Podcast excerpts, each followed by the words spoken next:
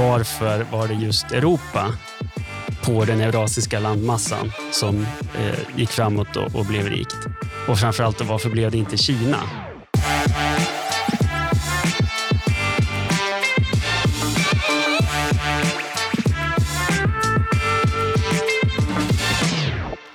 Du lyssnar på Ekonomerna med mig, John Norell och Jakob Lundberg. Hur är läget med dig, Jakob? Mycket bra, mycket bra. Allt bra med dig? Det är strålande. Jag, en kompis till mig la upp på eh, Facebook, tror jag det var, att eh, han skulle vara borta ett par dagar från sociala medier för att han eh, skulle genomgå en sån här ögonlasoperation. Um, och så att han skulle liksom inte längre, ja, om man ville kontakta honom så var man tvungen att typ, ja, jag vet inte, ringa, som han gjorde förr i tiden kanske? Ja, eh, för han skulle liksom vara blind i två dagar efter att han genomgått den här operationen. Mm. Liksom. Och jag tänkte liksom då på det att när jag var liten, då var det ju, alltså det var ju en sån här, liksom, man pratade om liksom, eh, ja, men, ögonlasoperationer som en, det är en superdyr operation som bara de allra rikaste i samhället har råd att göra. Medan nu så Ja, det är väl ganska många som ändå har genomgått den typen av... Alltså de flesta som, som har glasögon eller linser har väl säkert funderat på det. Liksom. Mm, det har blivit betydligt vanligare. Ja, nu, jag, har inte, jag, har inte, jag har ju linser. Jag har inte kollat upp eh, egentligen. Jag har inte gått på någon sån undersökning, men eh, jag har ändå funderat på att det kanske vore värt att slippa eh, varje morgon kväll eh, ta ut och in linserna och alltid ha med sig eh, linsvätska. Det är ju extra jobbigt när man ska resa utomlands. Ja, just det. Jo, jag har också funderat på det. Mm. Det här är ju liksom en effekt av den ekonomiska tillväxten vi har. Alltså, mm, en av många. Ja, exakt. Alltså, när, när, vi pratar om ekonomisk tillväxt eh, i nyhetsrapportering och sådär, så brukar det ju oftast göras i väldigt abstrakta termer, ja, liksom i BNP-siffror och sådär. Men vad tillväxten kan handla om är ju att reallönerna ökar, eh, avkastningen, den reala avkastningen på kapital ökar, det innebär att vi får bättre kvalitet på varorna till eh, lägre priser, säkrare ögonlaseroperationer som fler har råd med. Eh, vi får snabbare internet och ja, möjlighet att resa och turista i andra länder mycket mer och sådär. Mm, mm. Um, nya innovationer till exempel. Alltså, um, nu pratas det ju en del om så labbodlat kött och sådär. Och de flesta har väl kanske märkt att nu finns det ju elsparkcyklar överallt. Och ja, några av oss som som lever nu kommer ju säkert att åka på turistresor ut i rymden. Och det är ju tack vare att vi har liksom en ekonomisk tillväxt.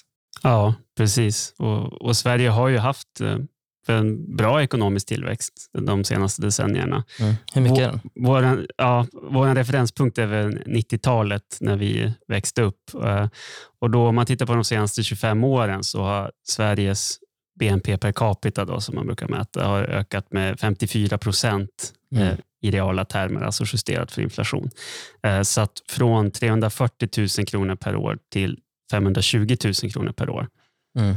Så det är ju en, en rejäl ökning av vårt välstånd eh, och det tycker jag att man märker också genom bland annat de här sakerna som du nämner. Mm.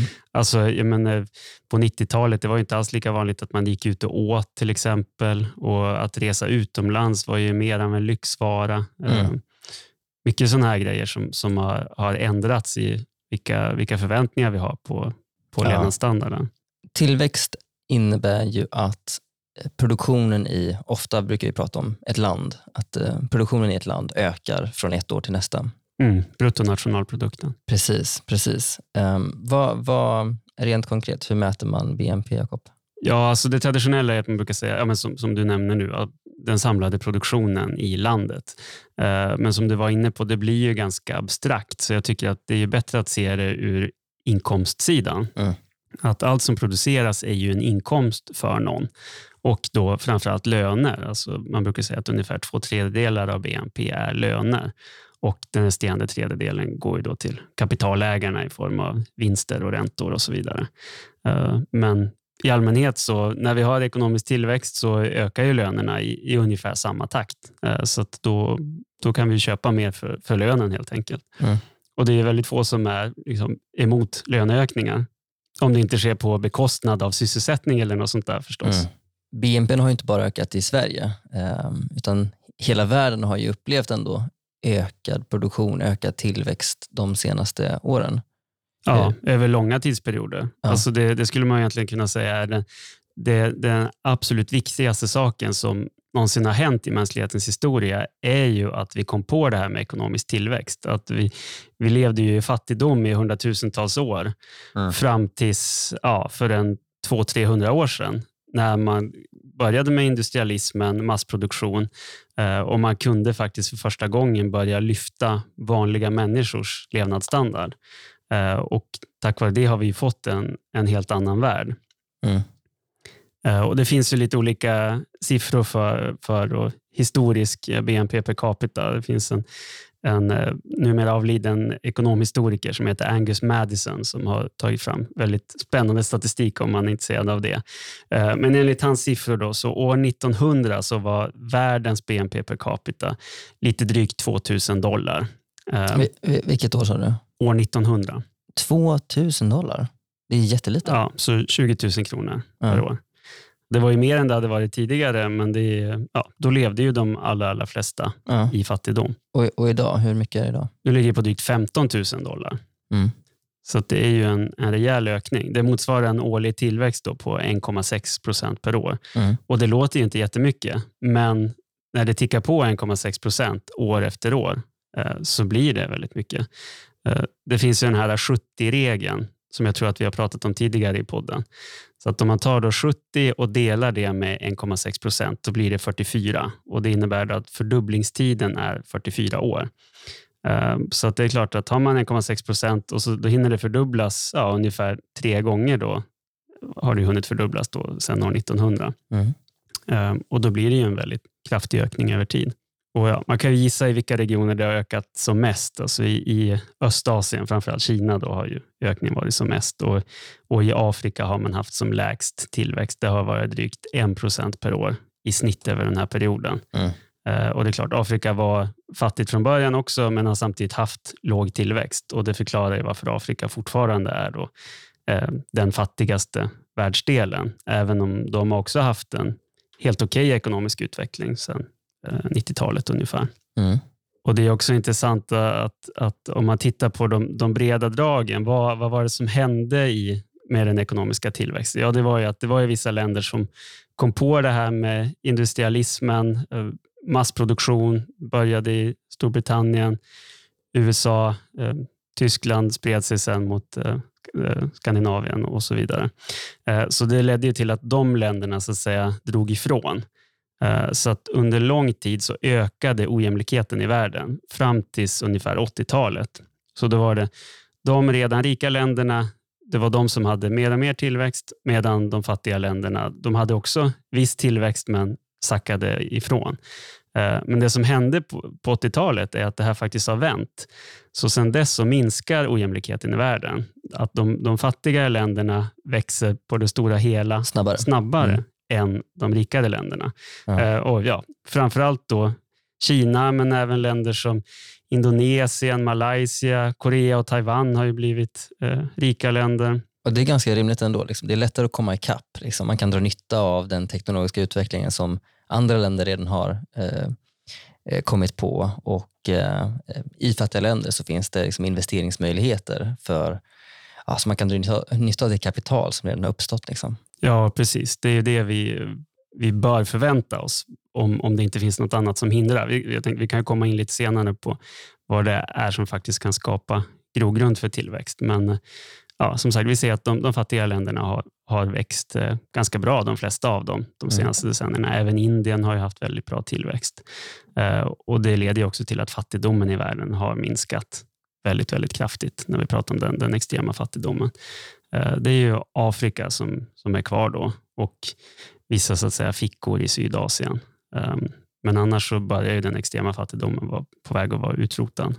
Nu lever vi i ett samhälle där de flesta liksom, antar, liksom, tänker att våra barn och våra barnbarn kommer att få ett bättre liv. Att vi kommer ha liksom, eh, utvecklingen går framåt. Men, Mm. men det är värt att liksom, ha med sig att för ja, några hundra år sedan, då, liksom, det fanns inte en tanke på att, att livet skulle förändras. Utan att så, ja men eh, mina eh, mina far och morföräldrar och mina förfäder, ja de levde likadant som jag lever nu och mina barn och barnbarn och alla mina kommande eh, arvtagare, de kommer leva likadant som jag gör nu. Ja, exakt. Men så är det absolut inte i dagsläget. Nu har vi ändå en liksom, insupit en, en liksom, tanke om att vi, det finns ekonomisk tillväxt och det, saker och ting blir bättre. Ja, ja verkligen. Eh, det är kanske är dags att gå in på hur, eh, hur uppstår tillväxt? För att eh, en av de kanske viktigaste så lärdomarna i nationalekonomi är ju att långsiktig ekonomisk tillväxt drivs av teknologisk utveckling och inte av ökat resursutnyttjande. Mm. Så när det kommer till varför, varför vissa länder är fattiga och vissa länder är rika så handlar det inte om att det finns mer resurser i vissa länder utan att så här, nej, nej, det handlar om förädling, att vi producerar och är mer effektiva på att skapa värde av de resurser som finns. Ja, ja precis. Alltså, tidiga nationalekonomer pratade ju mycket om det här med kapital. Att, ja, men man, och man kunde ju se det ofta att rika länder har ju mer kapital. Alltså det finns eh, lastbilar och det finns fabriker och det finns eh, byggnader av olika slag eh, och det gör ju att man kan producera mer. Eh, alla som har läst eh, en grundkurs i nationalekonomi får ju lära sig den här Solow-modellen mm. Eh, som Robert Solow presenterade på 50-talet. Och Det som är grundinsikten i den här modellen är ju att ja, men visst, man kan investera och bygga på med kapital, köpa fler och fler traktorer, fler och fler lastbilar. Men till slut så når man ju en punkt där en extra lastbil, eller en extra traktor eller en extra maskin inte gör så mycket nytta. Mm. Och Samtidigt så slits ju det här kapitalet över tid. Alltså man, man måste ju ersätta. Traktorer går ju sönder efter ett tag och så måste man ersätta med nya. Uh, och Det, det Solo-modellen visar är ju då att ja, men det finns en gräns för hur mycket tillväxt man kan skapa bara genom att bygga Bygga på mer. kapitalstocken. Mm. Um, så att uh, till slut så ja, man har väldigt högt sparande, väldigt mycket investering i ekonomi. Ja, visst, man kan ha tillväxt ett tag, men till slut når man den här gränsen. Mm. Och Då kommer man just till den här insikten att ja, men på lång sikt, så det enda sättet som vi kan bli rikare är att använda den arbetskraft och det kapital vi har på ett smartare sätt. Så att vi kan ha färre personer som jobbar. Istället för att vi har tio personer med spadar som står och gräver en grop, så har vi en person i en grävskopa och en person som kanske sitter bredvid och kollar så att man inte gräver av några kablar och sådär. Mm. Så det var liksom steg ett på 50-talet med den här Solo-modellen och teknisk utveckling. Så nästa fråga för nationalekonomer blev ja, men kan vi förklara teknisk utveckling. Hur mm. uppstår den? Uh, och Då kommer nästa steg i tillväxtteorin då, som kallas endogen tillväxtteori på 80-90-talet. Och det heter just då endogen för att endogen är ett tekniskt begrepp för att då förklarar man en variabel inom modellen. Så istället för att anta att teknisk utveckling bara är något som ramlar ner som manna från himlen, så är det här något som faktiskt uppstår genom att företag väljer att investera i forskning och utveckling. På något sätt så är det någon som gör, tar ett beslut som gör att vi får en bättre teknisk utveckling. Mm. För i den första solomodellen, då är det Produktionen är ett resultat av att vi har kapital, vi har arbetskraft och så har vi teknologisk utveckling. Och det är bara så. Vad förklarar teknologisk utveckling? Ingen aning. Mm. Nej, man bara antar att eh, teknologin blir på något magiskt sätt 2% bättre varje år ja. och det gör att man kan få tillväxt. Eh, men i, i den här endogena tillväxtteorin då försöker man förklara det. Då. Mm. Och, ja, vi ska inte gå in allt för mycket i detaljerna kring vad man har kommit fram till, men en generell slutsats är just att det här med innovationer eh, är väldigt viktigt. Incitament för företag att faktiskt uppfinna saker, investera i forskning och utveckling eh, och att ge dem då någon sorts patent eller rätt till de här uppfinningarna så att de, de kan tjäna pengar på det. Eh, men att på sikt så kommer det här att spridas ut över ekonomin. Man brukar prata om spillover. Så att om, om ett företag investerar i eh, en ny sorts motor eller en självkörande bil som vi har pratat om tidigare, mm. eller något sånt där, så över tid så genom att patentet går ut och blir offentligt så alla kan ta efter det eh, och genom att företagets anställda flyttar över till andra företag så kommer den här teknologin att spridas ut över ekonomin och då får man den här tekniska utvecklingen som, som man ju så gärna vill ha.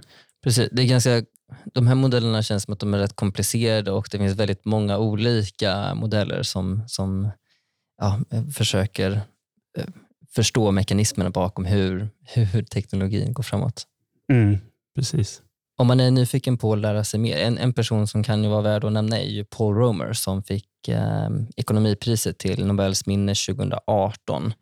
Eh, han fick ju det just för att eh, ja, integrera såna här endogena tillväxtmodeller i liksom makroekonomisk analys. Så att ja, just det här som vi pratar om nu. Liksom. Mm. Och just vikten av innovationer och att det ska finnas incitament att investera i forskning och utveckling. Mm. Han var faktiskt här i Sverige 2016 eller 2017 eh, och var på besök på Ratio när jag var där och gjorde praktik. Forskningsinstitutet Ratio. Mm, precis, precis. Um, och det här, precis, de här tillväxtteorierna, det är ju teori. Hur, ja. vad, vad, finns det för empiri i frågan nästa steg då? Ja, precis. Ja, det är också en, en uh, forskningslitteratur som har växt fram då sedan 90-talet där man tittar på, ja, på länder. Det finns ju väldigt många länder och det finns data som går tillbaka också ganska många decennier nu för tiden. Så då kan man göra då en statistisk analys och se vad är det som verkar göra att vi faktiskt får tillväxt. Uh, och det är, det är, ett par saker som man har, kommit fram till då, generellt sett får man säga i den här litteraturen. Det är handel är bra för tillväxt. Länder som öppnar upp sig mot världen och, och tillåter import och export. Det, det, det, vet vi ju från eh, mm. nationalekonomiska läroboken. Det är bra. Uh, man specialiserar sig på det man är bra på. Mm. Och även på längre sikt, lite för att anknyta till de här endogena tillväxtteorierna, så gör ju det också att man kan utbyta teknologier och kunskap med andra länder. Och Det är kanske ännu viktigare på, mm. på lång sikt. Sen kan man också se att eh, ja, marknadsekonomi, en ekonomisk frihet, att man inte har så himla mycket regleringar och statligt ingripande. Det verkar också vara bra för tillväxten, finns det en mm. stor litteratur kring.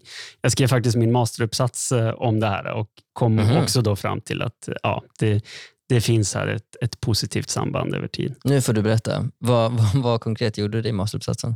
Ja, jag tittade på länder från 1970 och framåt och då finns det ett, eh, ett index då över, det, det, kallas då ekonomisk frihet, economic freedom. Mm. Uh, och Då kan man se då att ja, men, de länder som hade hög ekonomisk frihet enligt det här indexet, de växte också snabbare under mm. de åren uh, som, man, som man jämförde. Vet du vad jag skrev min kandidatuppsats om? Nej. Lycka. Just det. Just vi, vi, kanske kommer in på det alldeles strax, men då kollade jag på ekonomisk tillväxt och lycka. Ja, vi, vi kommer tillbaka till det strax. Ja, det tycker jag. Mm. Uh, men, handel, ekonomisk frihet? Precis. Uh, alltså, rule of law, eller mm. lagstyre kanske på svenska. Uh, det är också väldigt naturligt det, att det är något som är viktigt för tillväxten. Att om man ska investera och skapa jobb och bidra till att skapa välstånd, då vill man också veta att man ska kunna få vinsten från den här investeringen genom att det ska finnas då säkrad äganderätt, fungerande domstolar och, och rättsväsende och så. Så det, det verkar också vara viktigt. Och Sen kan man också se, då, på tal om den här 50-talsmodellen, Solo-modellen, så ja, har, har ett land mycket investeringar, som Kina har haft till exempel de senaste decennierna, så, så verkar det också leda till ökad tillväxt. Och Det är inte så förvånande om man då väljer att avstå från att konsumera och istället mm. väljer att styra bort en hel del av produktionen till att bygga upp sitt kapital. Så leder ju det också då till ökad tillväxt. Mm. Även om vi konstaterade att det kan ju inte i sig driva tillväxt på lång sikt. Men, men, men, ja, inte in i oändligheten, men, Nej, men ett exakt. bra tag i alla fall. Mm. Precis. Och sen en sista sån här grej som, som man generellt sett hittar i den här forskningen, det är också att länder som har en hög BNP per capita har också lägre tillväxt. Eller om man vänder på det, då. ju lägre BNP per capita man har, desto mer växer man. Mm. Uh, och Det är också, precis som du nämnde, det är också väldigt naturligt att relativt fattiga länder har då lättare att komma ikapp, att komma ikapp de som är rikare. Precis, för då, då finns det någon att ta efter. Då kan man bara liksom importera den senaste tekniken från USA. Uh, medan USA har ju varit den, den, tekniska ledaren i världen de senaste 150 åren. Och USA har väl tuffat på med ungefär 1,5-2 procent tillväxt. Det, mm. det verkar vara ungefär där den teknologiska fronten ligger. Det är de som har den state of the art-teknologin och det, det, går liksom inte att växa snabbare än så. Men enskilda länder kan ju då genom att närma sig USA, som till exempel Kina och Indien har gjort, och tidigare då Japan, Sydkorea, Taiwan, Singapore, Hongkong och så vidare. Eh, de kan ju då ha en, en mm. högre tillväxt eh, medan de närmar sig USA. Ehm, så det är då väldigt tydligt från den här forskningen. Det kallas ju konvergens. Då, att givet de här andra faktorerna, eh, om man kontrollerar då för ja, men ekonomisk frihet och handel och sådär, alltså, allt annat lika så kommer då fattiga länder att växa snabbare. Mm. Det vet jag, det pratade ju Paul Romer då när han var här. Eh, och även kanske i samband med att han fick Nobelpriset, eh, eller ekonomipriset, eh, om det här med charter cities. Eh, att eh, ett sätt att skapa ekonomisk tillväxt i, liksom, i, i Afrika eller i väldigt fattiga länder är att eh, mer eller mindre i områden eh, i, i de här länderna ehm, etablera liksom, så, västerländska institutioner. Man ska liksom, vi ska skicka dit massor med byråkrater och domare och administratörer som så ska se till så att, så att eh, lag och ordning efterlevs, äganderätt eh, säkras och så vidare. Eh, för att se till liksom, för att ja, öka, öka liksom tillväxten och låta de här länderna komma ikapp. Ja, lite som man gjorde med Hongkong då. Ja. Och, och, det verkar ju ha funkat. Det har funkat väldigt bra. Det har funkat, ja. Fram till nyss i alla fall. Ja, precis. får man se hur, hur det går med Hongkong. Mm. Eh, okej, okay, nu har vi ändå pratat om ganska mycket så övergripande vad, vad, vilka, vilka variabler eller vilka faktorer som är viktiga för ekonomisk tillväxt så historiskt. Men, men, men eh, om, om vi kollar på de länder som är liksom rika, det är ju liksom i, i, i Nordamerika och så är det i Europa och så är det vissa länder, liksom, eh, ja, men Japan och sådär i, i Asien. Eh, vad är liksom anledningen till att det är just de här länderna som har lyckats ha sån enorm ekonomisk tillväxt under, under en lång tid? Ja, en förklaring är väl helt enkelt att de har uppfyllt många av de här äh, faktorerna som vi pratade om. Man har särskilt i de anglosaxiska länderna ett väldigt starkt rättssystem med välfungerande domstolar och så vidare, väl definierad äganderätt. Äh, man har haft en marknadsekonomi. Det är väldigt kul om man tittar på Sovjetunionen, Nordkorea mm. och så vidare. Att eh, marknadsekonomi är ett bättre system. Um, och man har också under de flesta tidsperioder haft en, en välvillig inställning till handel och det har ju också världsekonomin öppnats upp mer och mer de senaste decennierna. Mm. Eller då i, som i USA har ju haft mycket protektionism under långa perioder, men då har man istället haft en stor intern marknad istället. Det har ju inte varit tullar mellan Kalifornien och Texas, så då har man ju kunnat handla den vägen och mm. då trots tullarna kunna ha en, en god ekonomisk tillväxt.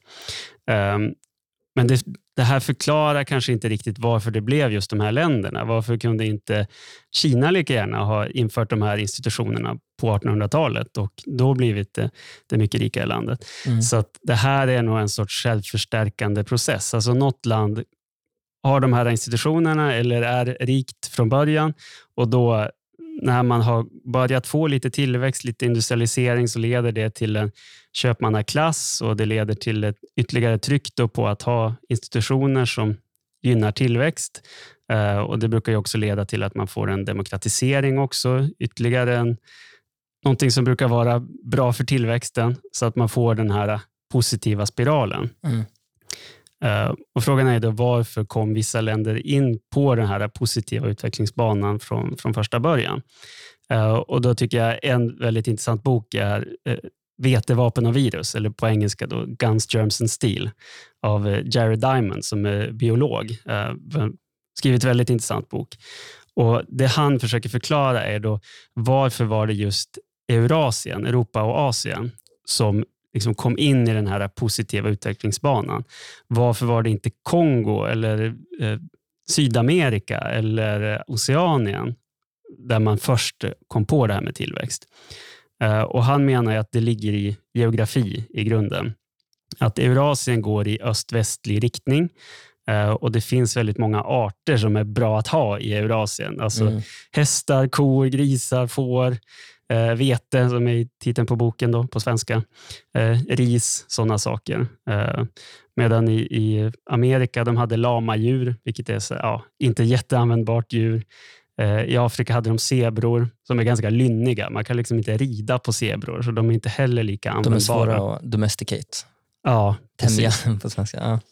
Precis, precis. Men, men, just det här med att det är avlångt på eh, bredden eller på längden, det handlar då om, om handel antar jag? Eller? Ja, det handlar framförallt om att de här arterna ska kunna sprida sig. Att är det väldigt olika klimat så är det ju svårt för arter att sprida sig. Mm. Medan i, i Eurasien så kan då hästar sprida sig längs kontinenten, eh, eller vete då eller sådär. Mhm. Medan i, i Amerika så var det betydligt svårare. Och då, ja, Eurasien är en väldigt stor landmassa, så att då är det ju mer sannolikt att de här arterna ska, ska uppstå. Mm. Och Jag tycker det här är en, en eh, övertygande hypotes som väl många menar att det, det kan nog vara en, en rimlig förklaring. Mm. Så nästa fråga blir ju då, varför var det just Europa på den eurasiska landmassan som eh, gick framåt och, och blev rikt? Och framförallt, då, varför blev det inte Kina? För fram tills ganska nyligen, om man säger så, in på det, det är ju lite omtvistat, men kanske 1500-1600-talet, så var ju Kina kanske till och med mer utvecklat än Europa. Eh, särskilt under Song-dynastin i, i början av 1000-talet. Eh, många uppfinningar fann, kom ju första gången från, från Kina och man hade sedan lång tid tillbaka en, en skriftlig kultur där man hade de här lärde, Konfucius och så vidare. Eh, och en välfungerande byråkrati också, där man kunde liksom hålla ihop landet med hjälp av de här läs och skrivkunniga tjänstemännen, mandarinerna. Kina hade också en välutvecklad infrastruktur med kanaler och så vidare. Eh, Men det, det föll väl lite grann på det här med ja, just marknadsekonomi, dynamik. Eh, Alltså Kina slöt sig mot omvärlden och förbjöd all form av, av handel och samröre med utlänningar. Man, man ville liksom vända sig inåt. Man var så, så övertygad om att Kina var väldigt förträffligt. Man tyckte Ah. att kejsaren var liksom kejsare över hela världen. Det fanns bara en kejsare. Eh, Så det fanns ju ingen tillstymmelse till någon sorts demokrati eller maktdelning eller något sånt där. Eh, Och eh, fokus låg ju mycket på att ehm, ja, bli en sån här mandarin, att bli en sån här tjänsteman, klara de här svåra proven som man hade, Mm. som ju handlade om att rabbla de här gamla kinesiska klassikerna, Konfucius och så vidare. Det var inte så mycket fokus på naturvetenskap eller ny teknik eller något sånt där. Så det ledde ju till att man, man stagnerade. Man kom inte fram med ja, ångmaskinen och järnvägarna och sånt där. Det, det var inte kinesiska uppfinningar och, och då var det Europa som... Och just eh, de här delarna med liksom vikten av idéerna, det, det var inte Jared Diamond, utan han pratade om, eh, för övrigt, Guns, Germs and Steel översätts ju inte till vete, vapen och virus. Nej, det, de ville väl ha en sån här allitteration i den svenska översättningen. mm. Men ja, han skriver om varför Eurasien eh, var den landmassa som, som blev framträdande. Så hans tes förklarar egentligen inte då varför det var just Europa snarare än, än Kina. Så det här är ju andra forskare, ekonomer, historiker som har då pekat på varför det var just Europa som, som drog ifrån. Mm. Eh, Så att det, om man tittar på Kinas historia så, så kan man förklara varför det var så att de, de sackade efter. Eh, Det, det var en enad stat, eh, men det, det gjorde också att man, man fick inte den här dynamiken som man behöver. Samtidigt som Europa var ju mycket mer fragmenterat. Det är många som har försökt, men det är ju ingen som någonsin har lyckats erövra hela Europa, Nej. till skillnad från i Kina. Då. Eh, Så det ledde till att det blev kanske någon sorts institutionell konkurrens i Europa. Det fanns ju de här eh, upplysningsidéerna Mm. eh, och det, det var en annan syn på vetenskap, på, på vikten att prova och tänka fritt. Okej, men för att, för att sammanfatta lite. Det var ändå lite slumpmässiga variabler som gjorde att det ju- just var i, i Europa och Asien eh, och inte Afrika eller i eh, Amerika. eh, Just med att vi hade rätt, rätt djur som, som kunde tämjas och rätt sädeslag och så vidare. Och sen när det kommer till varför det just blev Europa och inte Asien, ja men det handlar mer om, om idéer och, och att vi här var, öppnade oss för omvärlden och inte slöt oss. Mm. Men för det mesta så pratar man ju idag i alla fall om tillväxt. Och det, det, det, den största diskussionen som finns kring tillväxt är ju egentligen en, en, om, om den tillväxtkritik. Liksom. Och, eh, det ställs ju ofta liksom en, en fråga om så är oändlig tillväxt möjlig på en ändlig planet? Och Den frågan brukar ju mest ofta ställas liksom retoriskt, som, att, som för att belysa någon, någon typ av uppenbar sanning. Att ja, men det är klart att det inte går att ha oändlig tillväxt på en planet när resurserna är ändliga. Mm. Eh, och Det här är ju ingenting nytt. Det här, har ju, eh, det här finns ju liksom politiker och forskare som återkommande har liksom eh, varnat på att jordens resurser håller på att ta slut sen i alla fall 60-talet. Ja, det publiceras ju en, en väldigt känd rapport då av något som kallas för Romklubben som ju målade upp ett enormt domedagsscenario och sa att ja, men på, på 70 80-talet så kommer det bli hungersnöd nästan överallt. Världens befolkning kommer minska väldigt kraftigt. Resurserna kommer ta slut. Mm. Uh, ja, och så blev det ju inte alls uppenbarligen, utan snarare tvärtom är ju världen mer välnärd än mm. någonsin. Vi lever längre än någonsin. Ja, jag tror att mycket av just det här problemet med den här frågeställningen är att man inte riktigt Alltså det är sällan som man definierar eller diskuterar ingående vad man menar när man pratar om ekonomisk tillväxt, vad det är för någonting. För Det handlar ju, som, som tidigare nämnt, om att förädla resurser och inte om att använda upp eller utarma eller liksom dränera jordens resurser. Så att säga att det finns en gräns för ekonomisk tillväxt, eh, det är ju som att säga att det finns en gräns för mänsklig kreativitet, eh, uppfinnelserikedom och liksom nytänkande. Ja, på de senaste decennierna så ser vi att i väldigt många länder så har vi blivit rikare som sagt, men samtidigt som minskar miljöpåverkan. Mm. Och, och, I vissa fall så sker det här för att trots att man knappt ens har försökt. Alltså, USA har ju inte haft särskilt eh, ambitiös klimatpolitik, men ändå så har utsläppen där faktiskt minskat eh, de senaste 15 åren. Och Det här gäller ju ännu högre utsträckning för länder som faktiskt har försökt. Eh, jag såg någon eh, forskare som inte var ekonom då, som sa att men i, i, i världen som helhet så ser vi att de länder som har högre BNP eh, också släpper ut mer koldioxid om man tittar på de väldigt långa utvecklingslinjerna. Men det är klart att de allra flesta länder i historien har ju inte ens försökt minska koldioxidutsläppen. Nej, nej. Men när man tittar på exemplet Sverige så är det väldigt tydligt att när man väl försöker och, och, faktiskt driver politik för att minska koldioxidutsläppen så går det att få till väldigt kraftiga minskningar och samtidigt ha en växande ekonomi. Precis. I Sverige, medan Sveriges BNP har ju liksom tredubblats sedan 1970 eh, så har ju samtidigt koldioxidutsläppen halverats. Mm. Och Det är tack vare ja, utbyggd kärnkraft, man har infört eh, koldioxidskatt, slutat värma upp villor med olja. Mm. Och Det är ju ja, på det stora hela ganska billiga förändringar. Mm. Eh, så att, eh, ja, då har man ju kunnat då förena minskade utsläpp med ett ökat välstånd. Och Det här gäller ju även om man justerar då för handel.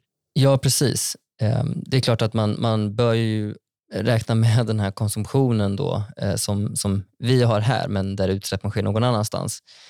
Nu vet jag inte hur långt tillbaka det egentligen finns den där ehm, konsumtionsdatan, men om man ändå kollar från 90-talet till nu så har ju, även om man inkluderar utsläpp utanför Sveriges gränser som kan kopplas till konsumtion i Sverige, så har utsläppen minskat med 10 procent.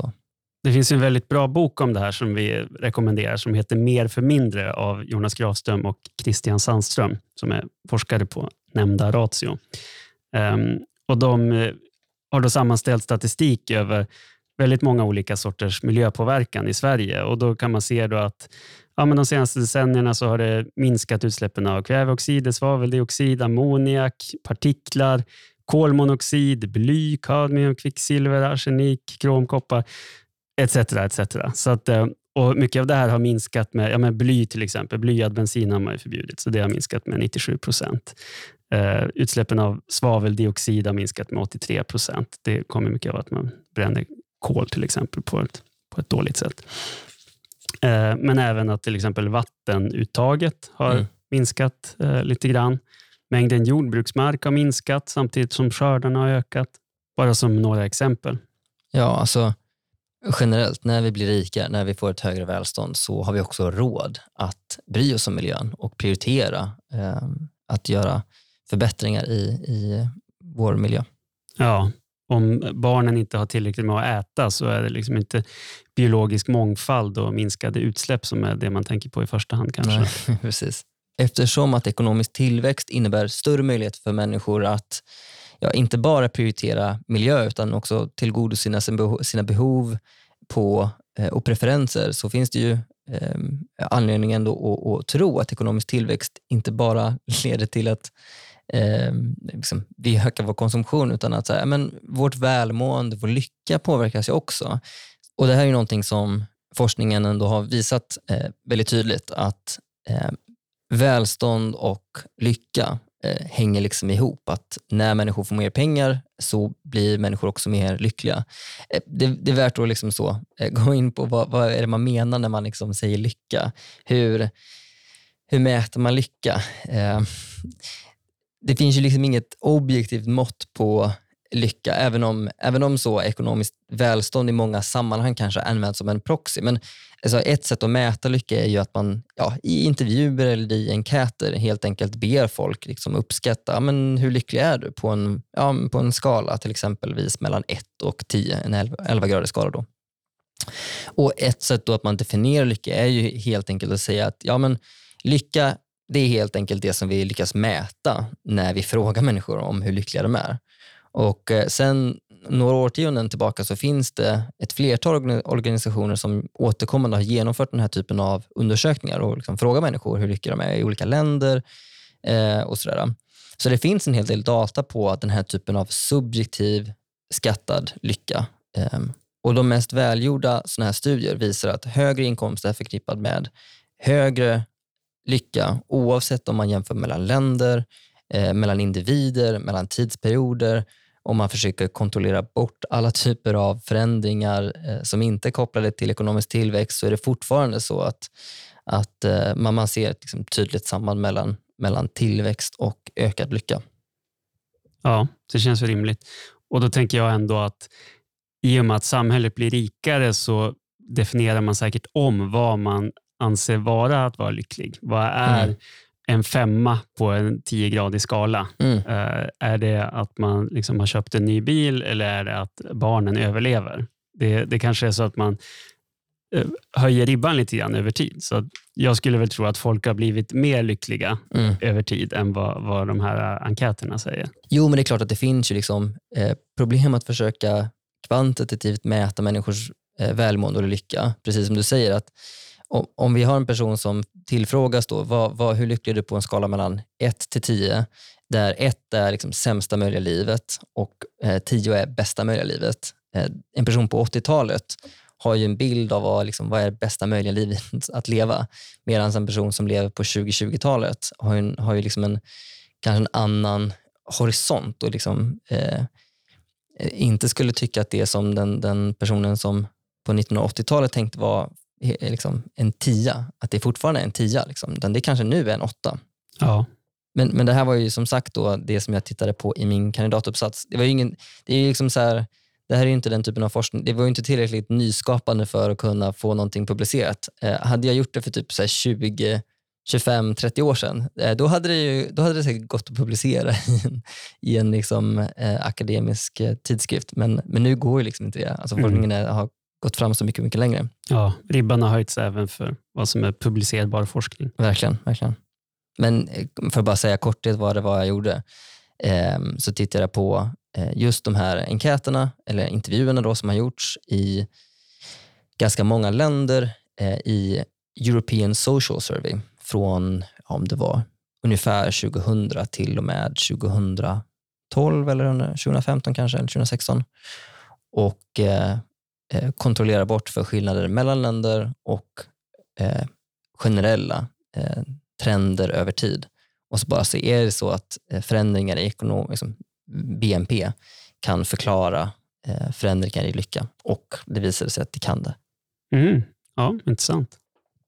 Små, små eh, resultat, men, men ändå så.